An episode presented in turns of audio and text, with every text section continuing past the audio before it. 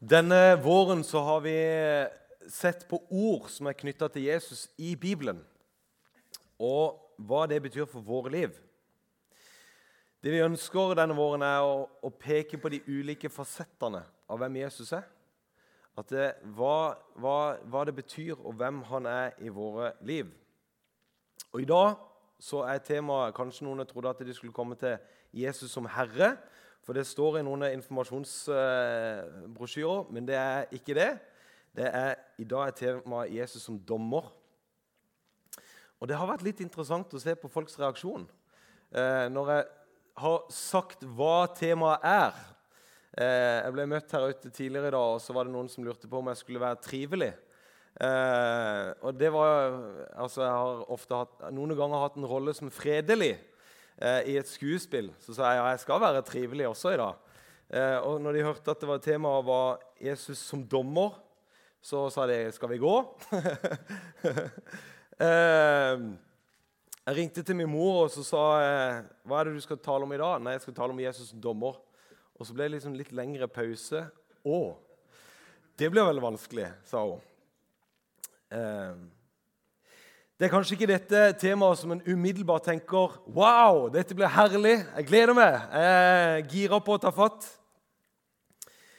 Eh, vi tenker vel kanskje heller mer at vi skal holde oss fast og håpe at det ikke blir for vilt. Eller at jeg håper at eh, jeg kommer ut med en slags ikke for krumbøyd nakke, eller hva det nå enn skulle være. Det jeg håper virkelig fra bunnen av mitt hjerte, det er at vi sammen skal se hva Bibelen sier om Jesus som dommer, og at vi skal kunne gå ut her virkelig gledesstrålende. For det at Jesus er dommer, det er noe av det mest fantastiske som fins.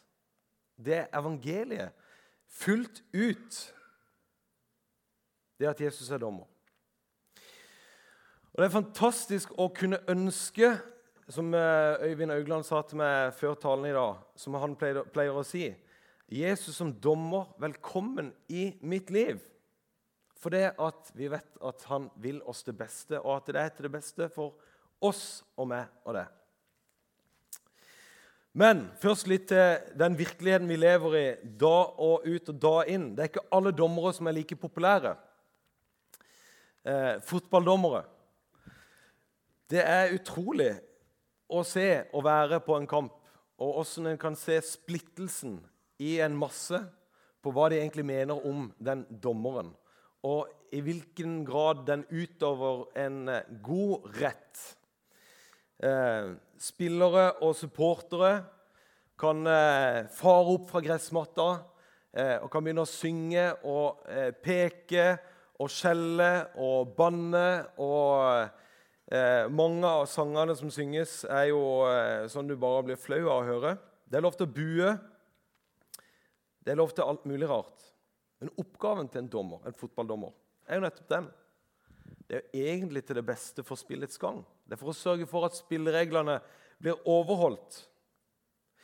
Selv om ikke alltid dommeren har så veldig mye respekt, eller hva vi enn måtte mene om den dommeren på den banen, og i hvilken stor grad den påvirker spillets gang, til å bli det det ble, så er det nemlig sånn at når dommeren blåser i fløyta, så er det endelig. Når dommeren peker på straffemerket, så blir det straffe. Uansett hvor mange skjellsord og mye ting en slenger etter den dommeren, så er det noe endelig over det. Det er ikke alle dommere som kanskje er like innbydende og jeg tenker eh, på en høyesterettsdommer. Vet ikke åssen du er, men jeg er i alle fall ikke av en sånn type at jeg tenker Hvis jeg hadde sett en, en høyesterettsdommer komme inn her med kappa, at det inviterer til smalltalk. At det er sånn 'Å, oh, der har jeg venta på å snakke med. Dette blir koselig.' Skal vi sette oss ut i kafeen og ta en, eh, en god prat? Det er noe litt sånn endelig. Det er noe strengt. Det er noe som må få meg i alle fall, til å føle meg ganske liten. Jeg har ikke vært mye i eh, domsrettsvesenet og domsapparatet, heldigvis, i Norge. Men jeg har vært i Høyesterett og sett en høyesterettsdom. Og når de satt der, disse er det syv dommere som sitter der, så er det vanvittig skummelt å være der. Og det er noe i den lufta som dirrer litt, av noe helt annerledes. Og advokatene som skal prosedere, må ha kurs for å få lov til å, å prosedere Høyesterett, og de må bli godkjent for å, å få lov til det. Og det er ikke stedet for feil. Det er ikke et sted hvor du har halvveis forberedt deg når du skal prosedere foran en sånn dommer. En dommer skal utføre rettferd. Og det er jo dommerens plikt å følge lovverket og regelverket, sånn at det blir til det beste for den som stilles til doms. Og Uansett hva vi egentlig måtte mene om den dommen som utgis, så er det til syvende og sist dommeren som bestemmer om vi vil eller ikke. Og Med liksom bakgrunn i våre erfaringer og Det fins jo flere dommere og, eh, i Norge i dag. Men hva når Jesus knyttes til ordet dommer? Så er det ikke sikkert at det umiddelbare Og Da skjønner en av og til reaksjonen til oss at eh, Jesus som dommer Oi, wow, det, det blir litt heftig. Det blir litt vanskelig. Det blir litt underlig. Åssen skal jeg forholde meg til det? Og Bare for å gjøre det klinkende klart, så er ikke Bibelens omtale av dommer og Jesus en sånn liten dommer, en fotballdommer eller en tilsidesatt en. Det, det, er dommeren med stor D. Det er han som skal gjøre opp for alt. Når det blåses i siste basun eller støt, som eh, Bibelen snakker om det, og dommen kommer, så skal Jesus dømme over alt. Jeg vet ikke hva som kryper inn i dine tanker. Jeg kan si litt om hva som kryper inn i mine tanker, og har krøpet inn i mine tanker. I min etterfølgelse av Jesus det har vært i alle fall kanskje det første en sånn blanding av frykt og jeg vet ikke ærefrykt. Strengt. Et ord som dukker Eller en tanke og en opplevelse en følelse som ofte dukker opp i, i mitt indre, det er Jeg er god nok. Vil jeg holde? Noen ganger når det går eh, bra med livet, og de tingene, så kan jeg tenke ja, jeg gleder meg. Og noen ganger når det ikke går fullt så bra, så kan jeg tenke meg gleder jeg meg egentlig til dommen. Det finnes jo enklere sider ved Gud som egentlig er mer sånn Yeah, fun, gøy. Gud som kjærlig, evig far. Hadde ikke det vært fint hvis vi bare hadde tatt for oss det temaet i dag? Eller Gud som skaper, som Stian snakka om. Vi har ansvar for skaperverket, at eh, vi ser alt som blomstrer av liv og ting rundt oss nå, og hvordan det har innvirkning på vårt liv. Eller Jesus som vår bror. Han er vår bror. Eller forkjemperen for de svake. Eller Jesus som tilgir. Den hellige ånd som gir kraft og veiledning. Min venn, men dommer. Det er noe hardt, det er noe endelig. Det er kanskje noe skummelt over det hele. Jeg tror ofte at vi i møte med sånn ulike fasetter og ord av hvem Jesus er, så glemmer vi helheten av hvem han er. Og det har jeg lyst til å si. At dommer Jesus, han er også bror. Han er også tilgiver. Han er også forkjemper for de svake. Han er også kjærlig far. Han er også skaper. Han er også livgiver. Og alle de tingene der. Og det er den aller beste dommeren vi kan ha. Han er alle de gode tingene. Og det er det som gjør han til den aller, aller beste dommeren. Det er mange mennesker som peker på det ondes problem som en utfordring for den kristne tro. En utfordring for at Gud er god. En utfordring for å kunne tro på Jesus og hvem han er. Hvorfor er det så vanvittig mye urettferdighet i verden? Hvorfor skjer det så mye vondt her? Hvordan kan Gud bare stå og se på? Hvorfor svarer ikke Gud på alle bønnene mine? Og virker han egentlig? Og så kan Jesus se på uretten og fortsatt være like god. Og så kan det jo snike seg noen tanker om at eh, hvordan kan han egentlig dømme rett? Har han kontroll? Og Selv om det er sånn at jeg har mange spørsmål om Gud, og det bør vi alltid ha når vi lever et disippelliv Spørsmål til Gud, spørsmål til Jesus, spørsmål om ting hvordan ting henger sammen. og Det var det disiplene og alle som møtte Jesus, modellerte hele tida, at vi stilte spørsmål. Noe vi syntes var krevende, utfordrende, vanskelig. Og så er det ikke alltid at vi fikk svar der, men vi fikk svar kanskje over en tidsperiode. Men allikevel så er det én ting som står fast for meg. Og det er det at eh, en dommer En verden uten Gud er for meg en vanvittig urettferdig verden. Jeg så et uh, intervju for uh, det begynner å bli ganske mange år siden på Skavlan med ei jente som hadde opplevd noe av det mest tragiske en kan oppleve. Hun hadde opplevd en gruppevoldtekt når hun var på, bodde i USA. Hun hadde opplevd uh, krenkelse på det dypeste. En gruppe med fem gutter som hadde dratt henne inn i en bil, og så hadde de gjort verst tenkelige ting med henne. Og så hadde hun snakka om det, og det var jo selvfølgelig det er jo noe som en aldri ble ferdig med å bearbeide. Men det var én ting som jeg merka meg i det intervjuet der med Skavlan den gangen. Det var det at hun sa jeg er så utrolig glad for at det skjedde i USA, tross alt. Fordi at når de fem kom for domstolen i USA, så var det noe endelig der. De fikk alle livstidsdommer. Og jeg vet ikke, sa hun, åssen jeg i det hele tatt skulle kunne, skulle kunne klare å leve i Norge i dag og vite at om 10 år, 15 år, så kom de ut igjen. Og så traff jeg dem på gata. Virkeligheten er til stede. Og det ondes problem blir for meg et bevis eller en helt nødvendighet at Gud faktisk fins. At ikke det verdensbildet som hun egentlig sa, var hvis ikke all rettferd skjer her mens jeg lever i min levetid, så er det vanvittig urettferdig. Da vil det for alltid bli vanvittig, blodig urettferdig. All smerte, all ondskap, all djevelskap For den er den samme for med, med et bilde av at Gud lever, og et bilde av noen som ikke tror Gud lever. Og hvem skal gjøre opp?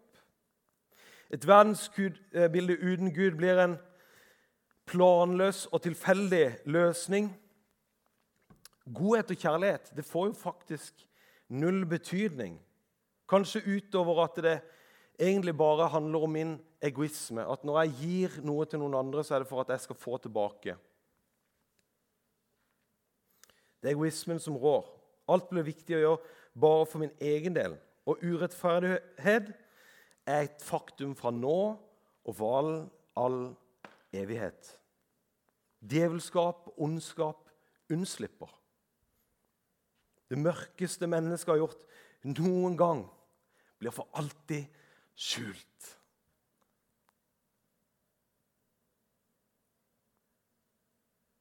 Derfor trenger vi en dommer. Derfor trenger vi en Gud. Den kristne Gud er på ingen måte en Gud som gjemmer seg langt borte i en sky, eller som noen kaller en transcendert Gud. En som er vekke fra virkeligheten, og som bare sitter planløst borte fra oss.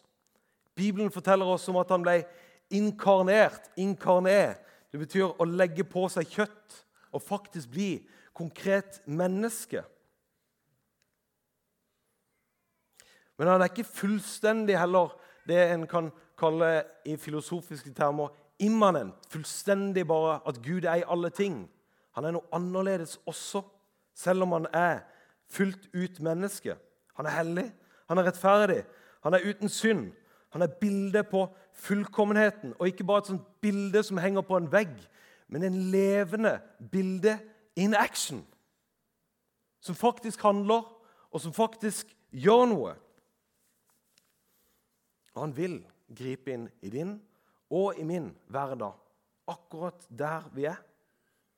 Han vil være på sida og veilede, ikke ovenfra og ned, men heller ikke på en sånn måte at det er en kompis som bare gir deg et velmenende råd. Det er himmelens Gud du har ved din side. Og Da Jesus hang på korset, så var det for å dømme. Det var for å gjøre noe med uretten. Det var for å være aktiv inn i det.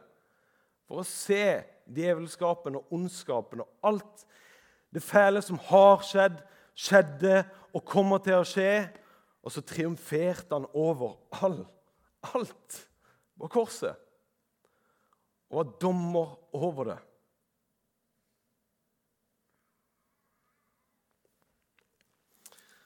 Det står i Bibelen i første, nei, Kolosserbrevet For han har fridd oss ut av mørkets makt. Hør på det. Og ført oss over i sin elskede sønns rike. I han er vi kjøpt fri og har fått tilgivelse for synderne. Kolossebrevet 2, vers 14. Gjeldsbrevet all ondskap du har gjort og kommer til å gjøre, og som alle mennesker noen gang har gjort. Det sletta han. Det som var skrevet med lovbud, han tok det bort fra oss da han nagla det til korset. Han kledde Og hør på dette her.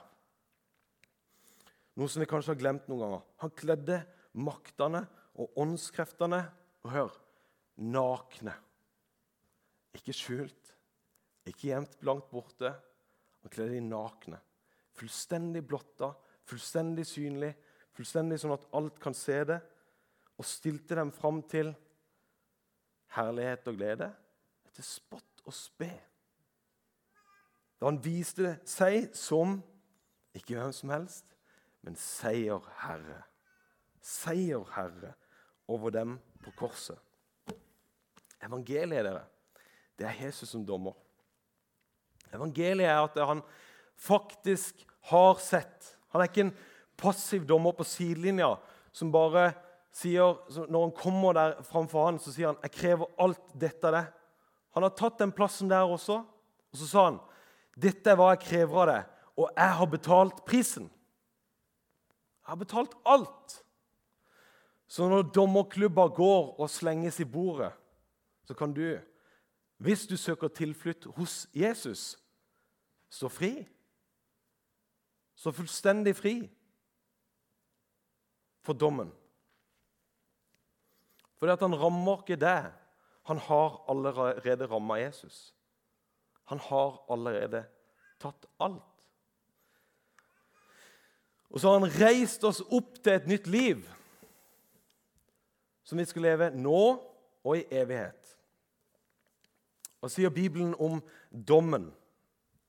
I Matteus 25 der kan vi lese det, det er jo dommens, uh, domskapitlet i, i Matteus. Han har samla mange tekster der. Hvis dere har lyst til å lese flere, så kan dere gjøre det. For nå tør dere etter denne dagen her. Uh, I Matteus 25 så står det 31. Men når menneskesønnen kommer i sin herlighet, og alle englene med han, da skal han sitte på sin trone i herlighet. Det er ikke de der versene vi løfter fram. Det er ikke herlig? Og alle folkeslag, alle folkeslag skal samles foran han, og så skiller de fra hverandre. Som en gjeter skiller sauene fra geitene og stiller sauene på høyre og geitene på sin venstre. Så skal han komme, så skal kongen si til dem på sin høyre side Kom hit, dere som er velsignet av min far, og ta i arv det riket som er gjort i stand for dere fra verdens grunnvoll ble lagt. For jeg var sulten, og dere ga meg mat. Jeg var tørst, og dere ga meg drikke. Jeg var fremmed, og dere tok imot meg. Jeg var naken, og dere kledde meg. Jeg var syk, og dere så til meg. Jeg var i fengsel, og dere besøkte meg. Da skal de rettferdige svare, Herre, når så vi deg sulten og ga deg mat, eller tørst og ga deg drikke? Når så vi deg fremmed og du tok, og tok imot deg, eller naken og kledde deg? Når så vi deg syk eller i fengsel og kom til deg? Og kongen skal svare dem. Sannelig sier dere, det dere gjorde mot en av disse mine minste søsken, har dere gjort mot meg. Så skal han si til dem på venstre side, gå bort fra meg, dere som er forbannet til den evige ild, som er gjort i stand for djevelen og englene hans. For jeg var sulten, og dere ga meg ikke mat. Jeg var tørst, og dere ga meg ikke drikke. Jeg var fremmed, og dere tok ikke imot meg. Jeg var naken, og dere kledde meg ikke. Og jeg var syk og i fengsel, og dere så ikke til meg. Da skal de svare, Herre, nå så vi deg sulten eller tørst, eller fremmed eller naken, eller syk eller i fengsel uten å komme til deg, eh, deg til hjelp? Da skal han svare dem. Sannelig, sier dere, det dere ikke gjorde mot en av disse mine minste, har dere heller ikke gjort mot meg. Og disse skal gå bort til evig straff, men de rettferdige til evig liv. Det er jo lett å tenke at denne teksten handler om Come on! Nå må dere, ta dere sammen. Husker dere hva som skjedde på korset? Det er eneste redning. Eneste redning. Dommen er endelig. Jesus kommer til å dømme all ondskap og urett og alle de tingene der. Og Av og til så har vi jo et bilde jeg, møter det mange ganger, og det er jo et forvrengt bilde. At djevelen er den som hersker i helvete. Er det et sted djevelen frykter, så er det helvete. For det er tilintetgjørelsen av ondskapen. Utslettelsen av det onde. Og med det vi trenger redning. Vi trenger Jesus. Fordi at han skal reise oss opp i godhet og herlighet sammen med han. For at han skal leve gjennom oss og gjennom våre liv. I Korinterbrevet står det i kraft av den 1. Korinterbrev 10 så står det, i kraft av den nåde Gud har gitt meg, la jeg grunnvollen som en klok byggmester. En annen bygger videre. Men hver enkelt må være nøye med hvordan han bygger. Ingen kan legge noen annen grunnvoll enn den som alt er lagt. Og hør her, det er fundamentet for hele ditt byggverk. Hvem er det? Det er Jesus Kristus. Men om noen bygger på grunnvollen, og her kommer det jo, da Hvis du tenker 'Jeg tror jeg greier det. Jeg klarer det.' Mitt liv er jo perfekt. Det er jo alle de andre som holder på med det der. der. Så sier Paulus om noen bygger på grunnvollen med gull, sølv eller tre eller edelstener med tre, høy eller halm, skal det en gang vise seg hva slags arbeid den enkelte har gjort. Herrens dag skal gjøre det klart, for den åpenbarer seg med ild, og ilden skal prøve hvordan den enkeltes verk er. Om det byggverket noen har reist, blir stående, skal han få sin lønn? Guds kraft gjennom det. Dersom det brenner opp, må han lide tapet. Og hør her selv om han ble frelst men bare gjennom ild. Vi snakker av og til om forstå meg rett, helvetes flammer. Men hva med himmelens flammer? Guds fortærende ild, hans hellighet, hans annerledeshet, hans mektighet. Han som er uten synd, uten ondskap. Det blir ikke stående i møte med han, ondskapen. Og det er evangeliet. Og det er fantastisk. Når Jesus er vår redningsmann, og vi kan stå der Og alt det vi legger på i dette livet Noen av oss legger høy og halm her og der, og så går det bort. Det kommer til å forsvinne. Hva som var viktig for oss. Vi skal ikke leve med de der vanvittig anspente skuldrene og grue oss nødvendigvis. For det alle har noe som kommer til å brenne bort av høy eller halm. Men hva er det vi virkelig investerer i? Hva er det vi virkelig vil? Hva er det vi virkelig ønsker å se? Oppstandelsen. Stian snakker om 'død, hvor er din brodd'? Der står det. 1. Korinterbrev 9, det er 15. Det er et fantastisk kapittel som jeg gjerne må lese når jeg kommer hjem.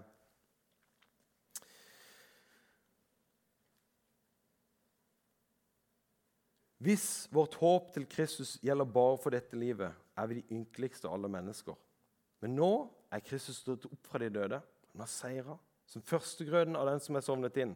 Fordi døden kom ved et menneske, er også og hør, de dødes oppstandelse kommet ved et menneske. Slik alle dør på grunn av Adam, skal alle få liv ved, ved seg sjøl, nei, ved Kristus. Men hver i sin tur. Kristus er førstegrøden. Deretter, ved hans gjenkomst, følger de som hører Kristus til. Så kommer slutten. Og det kommer en gang. Når han overgir sin kongsmakt til Gud, sin far, etter at han har Og det, her, det er evangeliet. At det har tilintetgjort alle makter, myndigheter og krefter. For han skal være konge helt til Gud har lagt alle fiender under hans føtter. Og den siste fienden som blir tilintetgjort, er døden.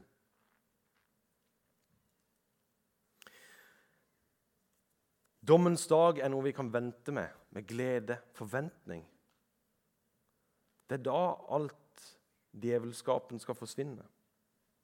Hvordan betyr det for oss i dag at Jesus er dommer i min hverdag? Det betyr noen, noen av disse tingene. Det betyr at du kan starte å leve som om Gud fins.